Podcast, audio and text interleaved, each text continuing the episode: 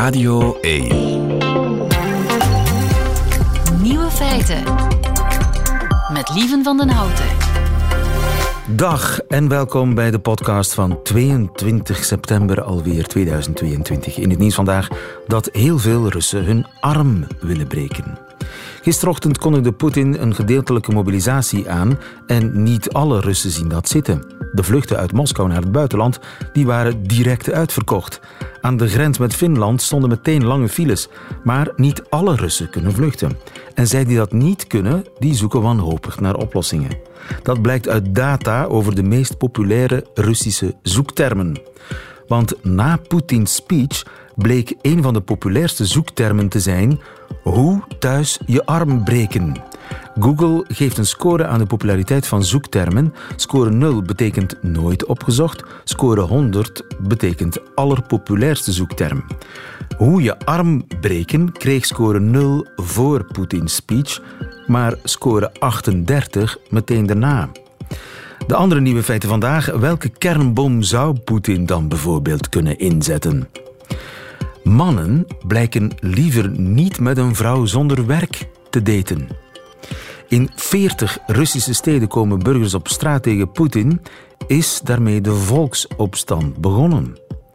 En Rika Ponet beantwoordt de vraag van een luisteraar die zijn hele leven wil omgooien. De nieuwe feiten van Nico Dijkshoorn die hoort u in zijn middagjournaal. Veel plezier. Nieuwe feiten. Is de volksopstand in Rusland begonnen?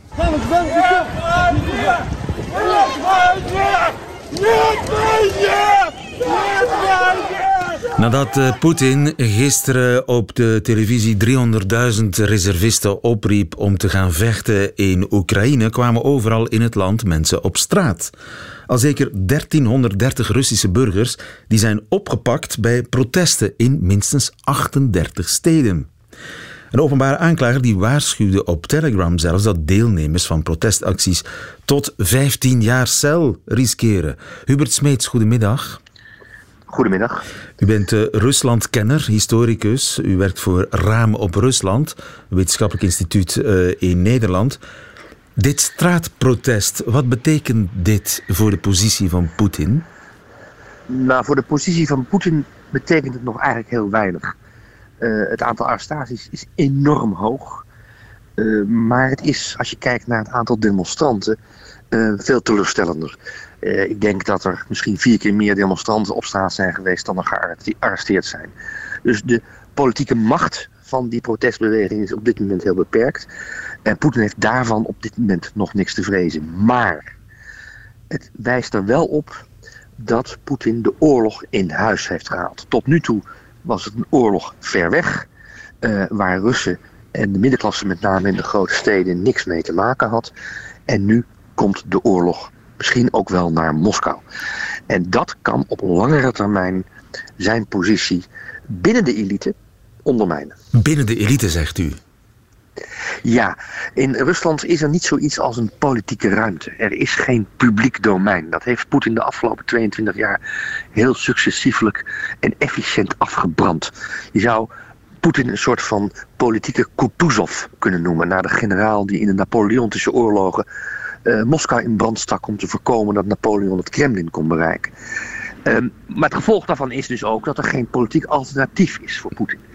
Eigenlijk is de elite economische elite, maar vooral ook de militaire en inlichtingenelite in Moskou de baas in het land. En die hebben heel veel belang bij Poetin, omdat ze daar geld aan verdienen, omdat hun posities afhankelijk zijn van de positie van de president.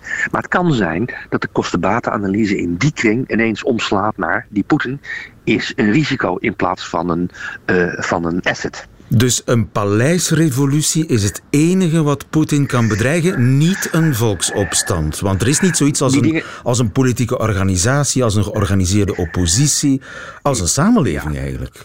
Dat, ja, dat, dat bedoel ik inderdaad te zeggen, waarmee ik niet wil zeggen dat de maatschappelijke beweging in het middenveld, om het om het Nederlands te zeggen, de civil society, dat die onbelangrijk is. Die dingen kunnen met elkaar gaan samenhangen. Die kunnen elkaar gaan beïnvloeden.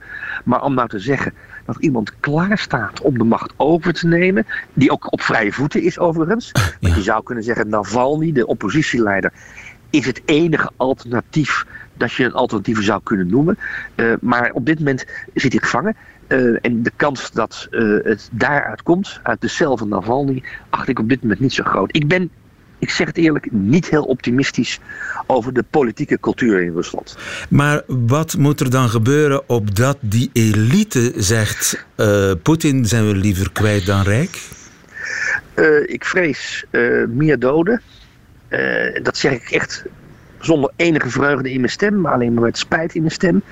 En vooral ook economische recessie. De sancties van het Westen die bijten echt wel degelijk.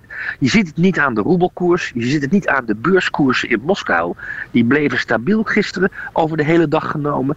Maar als je kijkt naar verschillende sectoren, de auto-industrie, de vliegtuigindustrie, het militair-industrieel complex notabene, dan zie je dat daar een crisis in de maak is die zijn weergaan niet kent. Er zijn economen die zeggen dat Poetin Rusland 30 jaar achterop heeft geholpen. Ik kan dat niet beoordelen, maar dat er een economische crisis aankomt die tot massawerkloosheid kan gaan leiden, armoede kan gaan leiden en vooral ook het perspectief voor de jeugd van de middenklasse ondermijnt, dat uh, laat zich raden. En dat kan volgend jaar zeker gebeuren. En militair, want ja, het is geen succesverhaal tot nu toe. Hoeveel mislukkingen kan hij zich nog permitteren? Ja, hij heeft er twee achter de kiezen al. Hè. Het fiasco van de eerste weken van de invasie in Oekraïne. Hij dacht dat hij in een blitzkrieg uh, Oekraïne zou kunnen bevrijden, om de woorden van Poetin zelf te gebruiken. Dat was het eerste fiasco. Het tweede fiasco was begin september, toen de Oekraïnse strijdkrachten in een razend tempo ongelooflijk veel grondgebied heroverden en bevrijden op de Russische bezettingsmacht. Ik denk dat een derde fiasco, en in die zin is die mobilisatie van gisteren wel degelijk een belangrijk moment. Ik denk dat een derde fiasco voor Poetin wel eens fataal zou kunnen zijn. Maar ook dan verwacht ik meer dat het vanuit het militaire apparaat komt, of vanuit het inlichtingapparaat van de geheime dienst FSB bijvoorbeeld, dan vanuit de straat. En wat zou zo'n derde militaire fiasco dan kunnen zijn? Nou, we moeten nu 300.000 eh, reservisten worden opgeroepen, maar die moeten ook ergens heen. Uh, namelijk naar Oekraïne, die moeten naar het front. Dat wordt al een enorme uitdaging. Als ze niet gaan, niet willen, alsof de treinen gebombardeerd worden, uh, dan is deze hele mobilisatie, uh, eerlijk gezegd, een, een, een lege huls. Ehm, als de Oekraïners de aanvallen verhevigen op um, de Russische bezettingsmacht. En daarbij ook heel veel reservisten nu gemobiliseerd zijn, dus tegen hun wil, uh, tegen hun zin moeten meevechten. Als die dan ook getroffen worden en er uh, uh, lijkzakken weer teruggevlogen moeten worden. Dat heet lading 200 in het Russisch. Dat is een codewoord. Ja. Um, dan, kan er, dan kan er ook iets gaan gebeuren. Want laten we eerlijk zijn. de moeders en vaders van die jongens die nu moeten gaan vechten uh, die lijken op ons. En die uh, staan niet te juichen wanneer hun zoon sneuvelen in een oorlog die eigenlijk niet te hun is. Ja. Hoe dan ook, politiek, binnenlands heeft deze oorlog ja, verstrekkende gevolgen die nog jaren kunnen duren. Ja, ik, ik, ik, ik, ik vrees een generatie. En dan ben ik nog optimistisch. Een generatie, dat is 15 jaar. Ja, ja ik reken op 25 jaar. 25 ja. jaar? Ja, daar reken ik op. Ja, misschien dat ik het uh, helemaal fout heb over 25 jaar en dat Rusland een bloeiende democratie is. Nou, dan, uh, dan mag u me aanspreken. Helaas leef ik dan niet meer. Dus dan kan ik geen antwoord meer geven op uw verantwoordingsplicht. Maar ik denk dat het echt, echt tientallen jaren gaat duren. Ook al de haat, echt, want dat, dat woord moeten we echt gebruiken.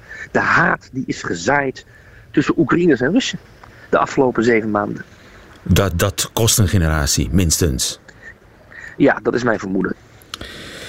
Weinig uh, rooskleurige toekomst uh, voor, voor iedereen eigenlijk, maar zeker voor de Russen. Dankjewel Hubert Smeets voor uw tijd. Goedemiddag. Goedemiddag. Vraag het aan Rika.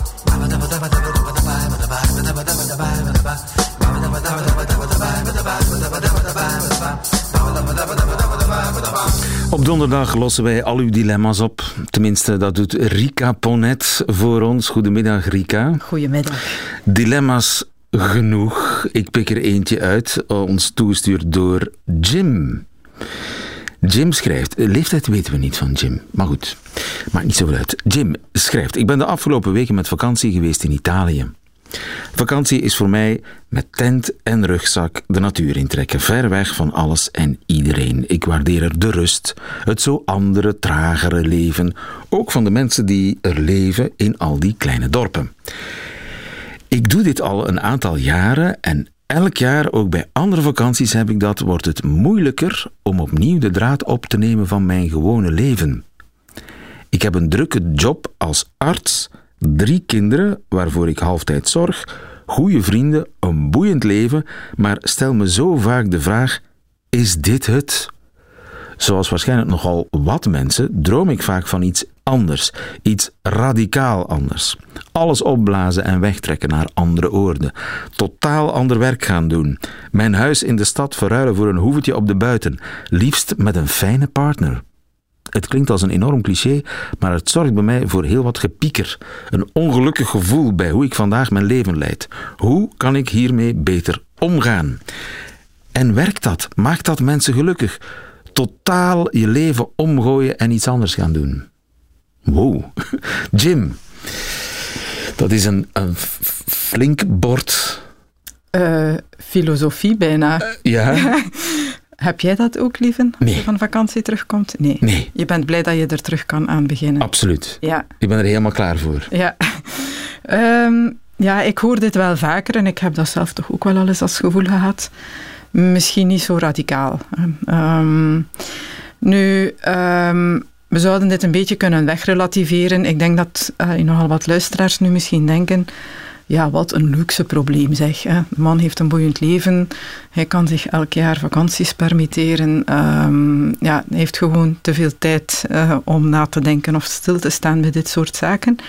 Nu, ik denk dat we daar wel iets kunnen uithalen. Uh, vakantie is inderdaad een periode, ik denk dat iedereen dat toch wel een stukje doet om te reflecteren over je leven. En je kan dat ook veel beter tijdens een vakantie, omdat je ja, je kan daar naar kijken van op een afstand. Als je er middenin zit, in de to-do's van alle dagen, is dat een stuk moeilijker om daarover te reflecteren, om bij dingen stil te staan. En dat doe je dan wel tijdens zo'n vakantie. En dan voel je misschien wel op een bepaalde manier, ja, ik mis dingen. Of er zijn zaken die voor mij toch niet zo goed lopen of niet zo goed werken. En ik denk dat dat dan hetgene is um, ja, wat dat gevoel teweeg brengt van uh, terug daar naartoe. Uh, wil ik dit wel? Um, de vakantie heeft eigenlijk gediend om tot het besef te komen: maar, mijn leven is niet zoals ik het wil. Ja, dat is het. Hè. Als je vakantie. Maar het is veel, hè? Job, ja. uh, partner, huis. Ja. Ja, het is een totaalplaatje dat hij schetst. Hè. En um, uh, wat ik daarbij, ik krijg vaak mensen langs die twijfelen bij de totaliteit van hun leven. Hè. Meestal gaat het dan over de relatie die niet goed zit, maar daarmee samenhangend, eigenlijk hoef ik die villa niet als dat die partner is, enzovoort enzovoort. Ja, een totaal maar gooi je dan niet alles op een hoop? Moet je dat niet uit elkaar trekken? Moet je niet zeggen, wat is nu ja. eigenlijk het probleem? Ja, en dat is zo moeilijk, hè, want dan gaan mensen zo een lijstje maken met plussen en minnen, en daar raken ze niet uit. En wat ik en dan gaan we toch naar de filosofen. Uh, wat ik dan een heel interessante denkpiste vind, is er één die Nietzsche ooit aanreikte. Ja. Oké, okay, Nietzsche. Um, en dat is uh, het idee van de doorlopende herhaling. Ik vind dat een. Um, de idee van de, de doorlopende, doorlopende herhaling. herhaling. En wat is die stelling? Dus hij, hij geeft aan, stel hè, dat je je leven zoals je het nu leeft en geleefd hebt, dat je dat eigenlijk doorlopend in herhaling blijft leven. Dus dat dat een oneindig verhaal wordt. Hè. Dat je telkens opnieuw het leven zoals je het nu leidt en geleid hebt. Dat dus je, dat je niet mag opnieuw, sterven. Dat je niet mag sterven. Dat is een horror, hè? En, dus hoe gelukkig je ook bent, het idee Ja. dat, je, dat je nooit zult sterven, Sterven. dat je al eind, letterlijk eindeloos Ja. doorgaat, dat, dat is angstaanjagend. dat is zeker angstaanjagend. Bij iedereen. Voor iedereen. Maar ik denk ook, ehm, als eh, dan bij jou heel sterk de gedachte de kop opsteekt. Dit leven, wat ik nu leid, dat in herhaling, zelfs in, in, tweede, eh, in een tweede keer of een derde keer moeten opnieuw doen, dat zie ik totaal niet zitten. Hè. Dat lijkt mij afschuwelijk. Met andere woorden, als ik het opnieuw zou moeten doen, zou ik het helemaal anders Anders doen. Dat is eigenlijk ehm, een goed uitgangspunt om te beseffen, ik moet iets aan mijn leven veranderen. Of er zijn dingen in mijn leven die ik moet veranderen. Nu, ehm, doen. Alles tegelijkertijd, is dat een goed idee? Nee. En dan kom je inderdaad ook weer bij dat wat doen mensen dan? Van, wat zou ik, maak eens die oefening. Hè. Wat zou ik veranderen als ik daar heel vrij de kans toe kreeg? Mhm. En dan zie je dat mensen de plussen beginnen op te sommen, maar ook de minnen. En vaststellen dat die allemaal met elkaar verbonden zijn. En dat het een niet zonder het andere komt. Hè. En dat is wat hij dan noemt het aanvaarden van uw lot. Hè. En dat Hoe is bedoel je iets- dat? Ik, ik bedoel, ja, toch zei, ik, zou, Ehm, ik zou een ander lief nemen. Ja, maar dan, maar had wel ik, maar dan had ik niet de kinderen die ik nu heb. Ja.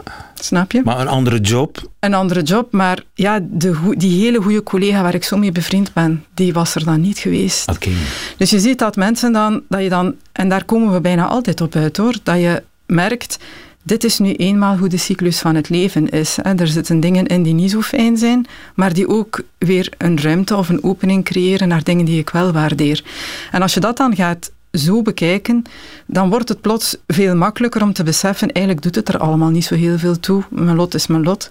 En ik kan proberen om daarin van dag tot dag kleine dingen te veranderen en daarin een stuk mijn weg te zoeken. En dat is hetgene waar ik telkens toch met mensen op uitkom.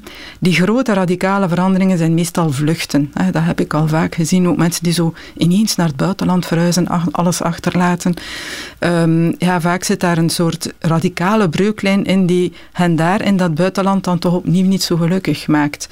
Ehm, de weg van de geleidelijkheid is meestal de veel betere. Want ik denk, die, die, En- die, die heeft gewoon een lief nodig. Eh, ja, eh, en inderdaad. En dan eh, zal misschien die job veel leuker blijken veel te zijn. leuker blijken te zijn. En dat En- huis. ja, en soms, ja, wat ook een goede is, is om te kijken, wat trekt mij nu aan? En hij gaat dan helemaal in de natuur zich terugtrekken in alle rust en stilte. Wat is het onderliggende verlangen dat daaruit spreekt? En dat kan dan soms zijn, ik heb een te druk leven. hè. Misschien moet Daar is ik... iets aan te doen, hè? Daar is iets aan te doen. In plaats van ja, eh, 80 uur per week te werken, schroef ik mijn agenda wat terug en zorg ik dat dat wat minder wordt. En er inderdaad ruimte komt voor misschien een hobby die ik al heel lang wil doen, maar die ik Ja. nu niet... Ik zie hem vooral al zitten op zijn hoevertje. Hè, Met, in- in- met die in- leuke vrouw. Ah, nee, en dan wachten op die leuke vrouw vrouw. die niet komt. Toch? Misschien Of eerst, man, Ja, desgevallend. ook. Misschien eerst die man of die vrouw zoeken en dan... Ja, wie weet blijft je gewoon wonen in de stad, omdat het dan toch opnieuw weer leuk is in de stad. Ja, en je moet dan toch vrouw. samen iets opbouwen? Ja, inderdaad. En dat is het. Niet eerst die hoeven gaan kiezen, maar samen met die partner ja, de keuze maken. Juist. Hoe, hoe leven we? Wat willen we in het leven? En hoe gaan we dat vormgeven? Maar ik vind het zeker een... Stoppen eh, met naar Italië ja, ik vind het toch een, eh, een interessante. En eh, ja, het, het- ik vind het verbazingwekkend dat... ehm, ja, filosofen leren ons daar vaak ook veel in. Hè. Dat is... eh, Leven Nietzsche. eh, ja. Dr. Jim, veel succes met het ah, doorhakken van allerlei knopen. Ik hoop dat we daar eh, behulpzaam in zijn geweest. Als er nog mensen hun knoop willen voorleggen aan Rika. De knopen zijn welkom op nieuwefeiten.radio1.be. Rika, dankjewel. Tot volgende week. Graag. Radio 1. Nieuwe feiten. Doet hij het of doet hij het niet? Dat was de vraag natuurlijk gisteren na zijn dreigement, Poetin, om kernwapens te gebruiken. Jens Fransen, goedemiddag. Goedemiddag. Onze defensiespecialist, Jens Stoltenberg, jouw bijna naamgenoot. De NAVO-baas zei gisteren, kernoorlog kun je niet winnen, dat weet Poetin ook. Maar Jonathan Holslag van de VUB, die zei hier gisteren, hij is ertoe in staat om een tactische kernbom te gebruiken. Dus we weten het gewoon niet. Dat is het eerlijke antwoord. Ja. Als die twee eh, hooggeleerde heren eh, het niet met elkaar eens zijn. Wat ik mij daarbij afvraag, die tactische kernbom, dat klinkt zo al wat minder gevaarlijk. Maar hoe, hoe klein is de kleinste kernbom van Poetin?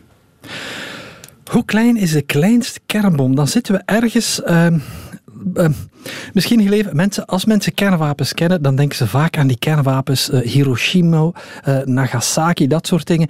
En dan spreek je in kiloton. Ehm, de eerste kernbom die is gegooid, Little Boy op Hiroshima, was 15 kiloton. De kleinste, eh, of beide kleinste Amerikaanse kernwapens die je hebt, en die krijgen allemaal namen, dat de Davy Crockett.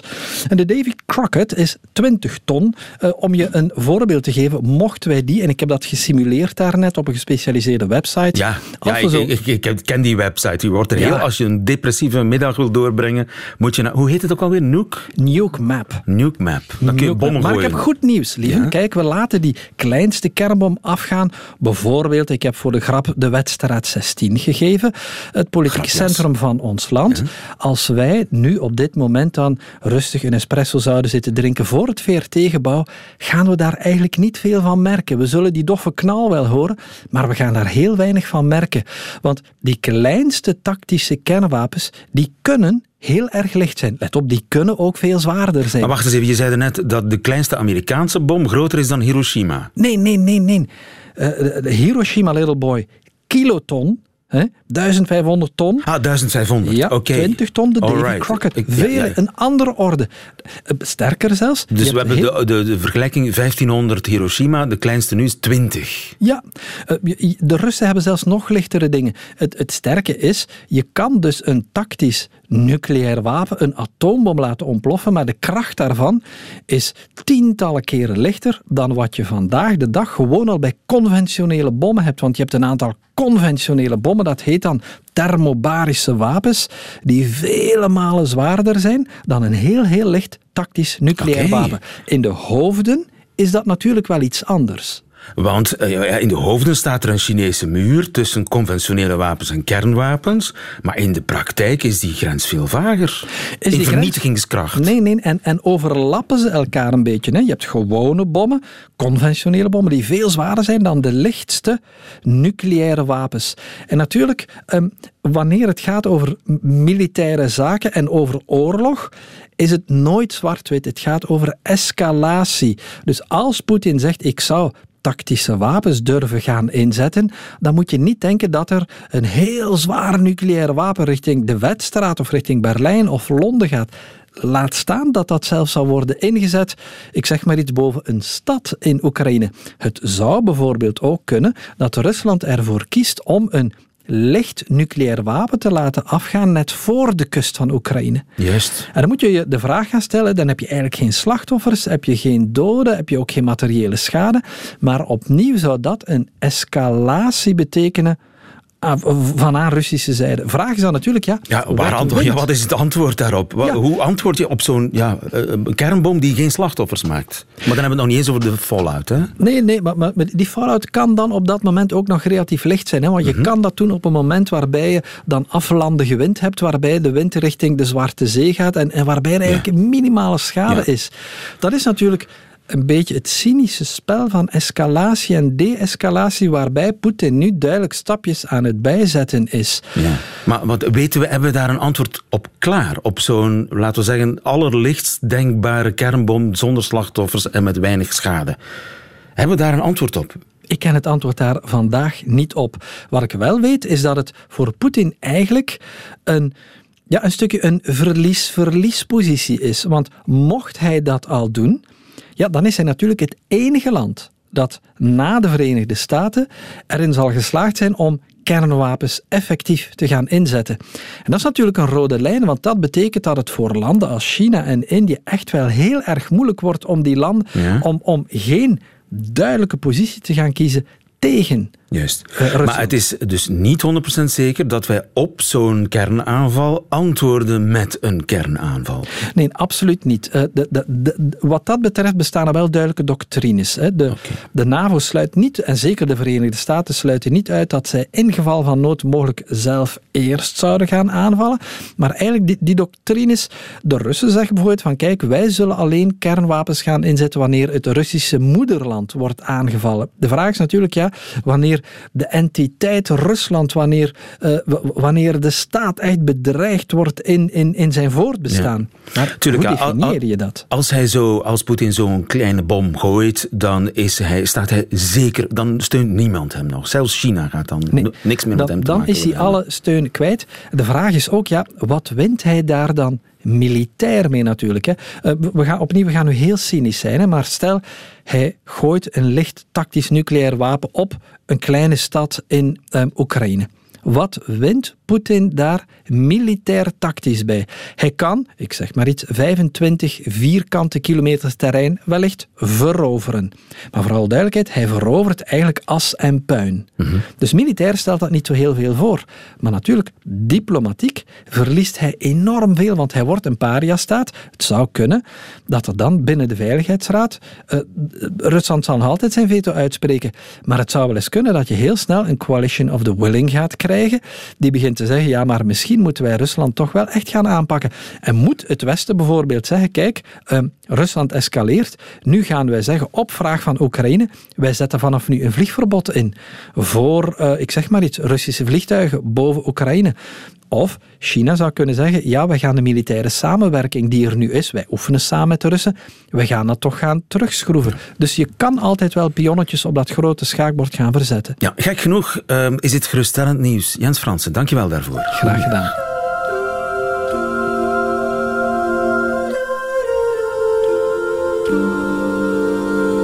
Nieuwe feiten.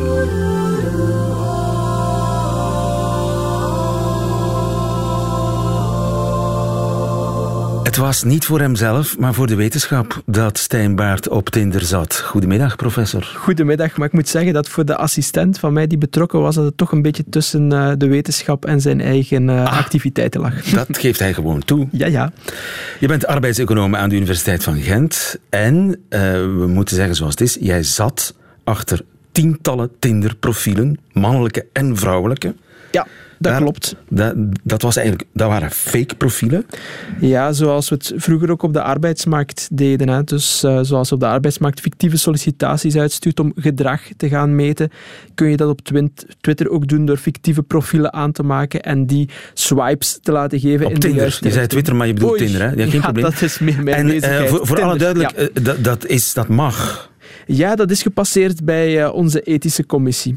En wat wou je te weten komen? Wel, in de, in de wetenschappelijke literatuur is er iets over uh, assortative mating. Dat wil zeggen, mensen selecteren huwelijkspartners die op hen lijken of die aan bepaalde kwaliteiten voldoen, zoals um, opleidingsniveau, zoals jobstatus. En we wouden dat testen in een moderne datingomgeving. Dus op Tinder of het daar waar dat je heel veel profielen ziet. Niet alleen degene die je bijvoorbeeld op de universiteit of op je werk tegenkomt, maar heel veel mensen. Of je dan ook nog volgens uh, dezelfde kwaliteiten kwaliteiten gaat selecteren als man en als vrouw. Ja, en wat is gebleken? Wel, wat is gebleken is dat uh, ook daar uh, op Tinder dat vrouwen heel veel selectiever zijn. In de eerste ronde, wanneer dat je swipet naar links of naar rechts, zagen we dat mannen in 61 op de 100 gevallen naar de juiste kant swipen. Bij vrouwen is dat 6 op de 100 keer. Dus vrouwen zijn in zekere zin 10 keer selectiever of omgekeerd. Mannen zijn uh, 10 keer hopelozer. Nu, binnen die eerste bewegingen zagen we niet heel veel effect van je jobstatus. Maar bij het aanknopen van een gesprek zagen we dat mannen dat deden uh, bij, met vrouwen die een job hadden in, in 45% van hun matches, maar slechts in 38% van hun matches waarbij uh, de dame werkloos bleek te zijn. Aha. Dus zij hielden daar rekening mee. En dat is wel verrassend. Ja. En bij de vrouwen, als ze op zoek zijn naar mannen, mm -hmm. speelt die jobpositie ook een grote rol? Wel, aangezien dat vrouwen zodanig selectief waren in ons experiment, konden we daar niet gaan op dooranalyseren. Dus in die eerste stap ja, gingen ze al bijna uh, niet swipen. En dan het aanknopen van een gesprek, ja, dat verwachten ze gewoon blijkbaar dat de man dat doet. Het was in 0,5% van alle swipes die we gedaan hebben, dat een vrouw een gesprek startte.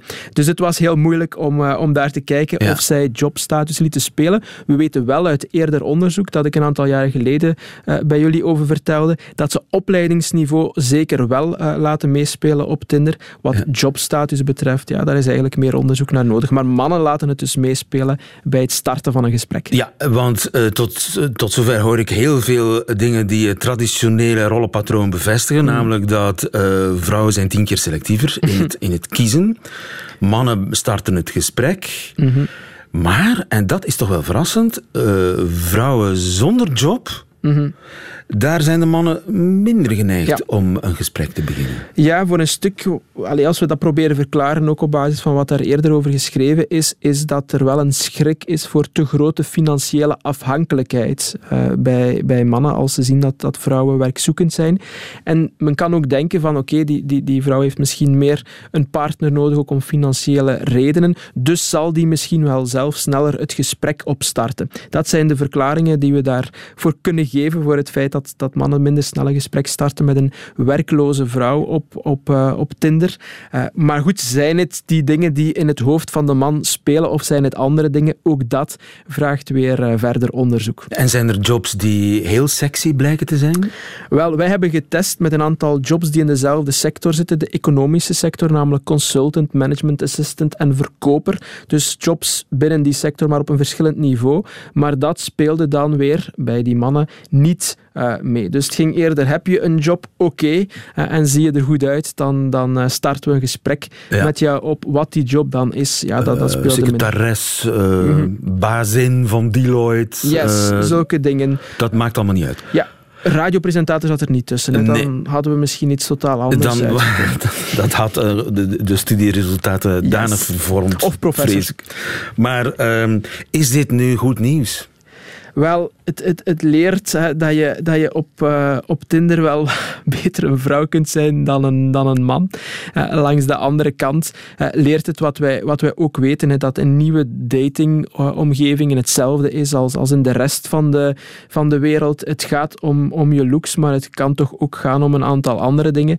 En dan weten we uit eerder onderzoek dat er, dat er ook op de datingmarkt ja, een, een, een mooie prijs is voor een, voor een hoger diploma. Ja. Hier voegen we toe dat, het, eh, dat ook eh, ja, werkloosheid een heel aantal nadelen heeft, psychosociale eh, nadelen. Het is niet goed voor uw verdere carrière, ook op uw cv. En we voegen daaraan toe, het is ook niet interessant op de datingmarkt. Ja, en we kunnen zeggen dat de strijd tegen het patriarchaat toch iets heeft opgeleverd. Eh, ja, dat is, dat is een mooie conclusie.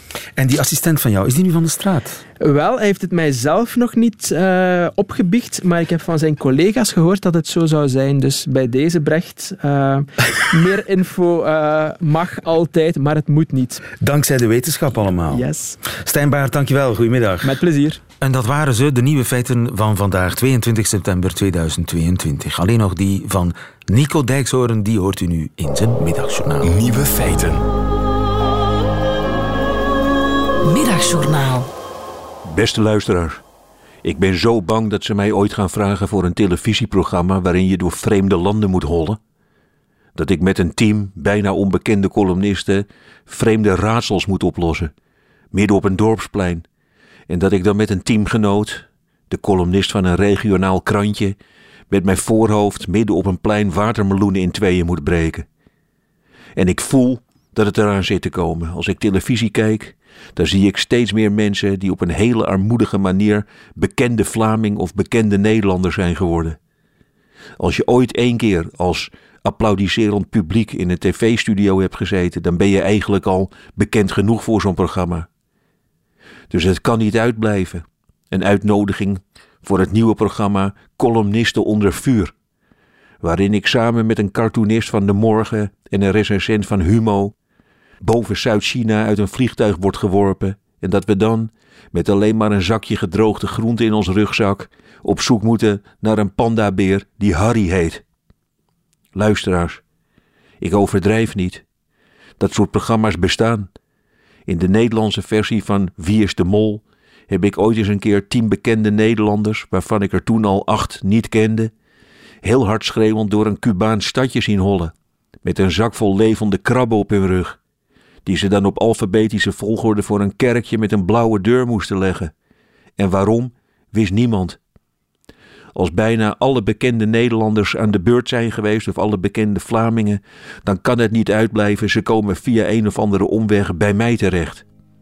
Ik zit thuis, lekker te schrijven, de bel gaat en dan een heel team voor de deur. Nico, jij stopt met alles waar je nu mee bezig bent en jij stapt geblinddoekt in deze auto. Daarna urenlang gehobbel en dan met twee komkommers en een levend aapje uit die auto worden gezet in Oezbekistan, waar ik een vrouw moet vinden met drie tieten.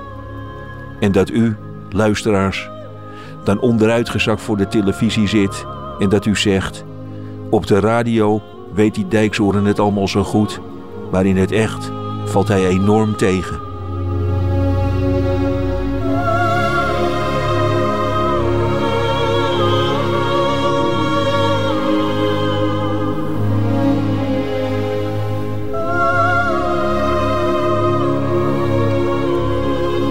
Het middagjournaal met en van Nico Dijkshoorn. Meteen het einde van deze podcast.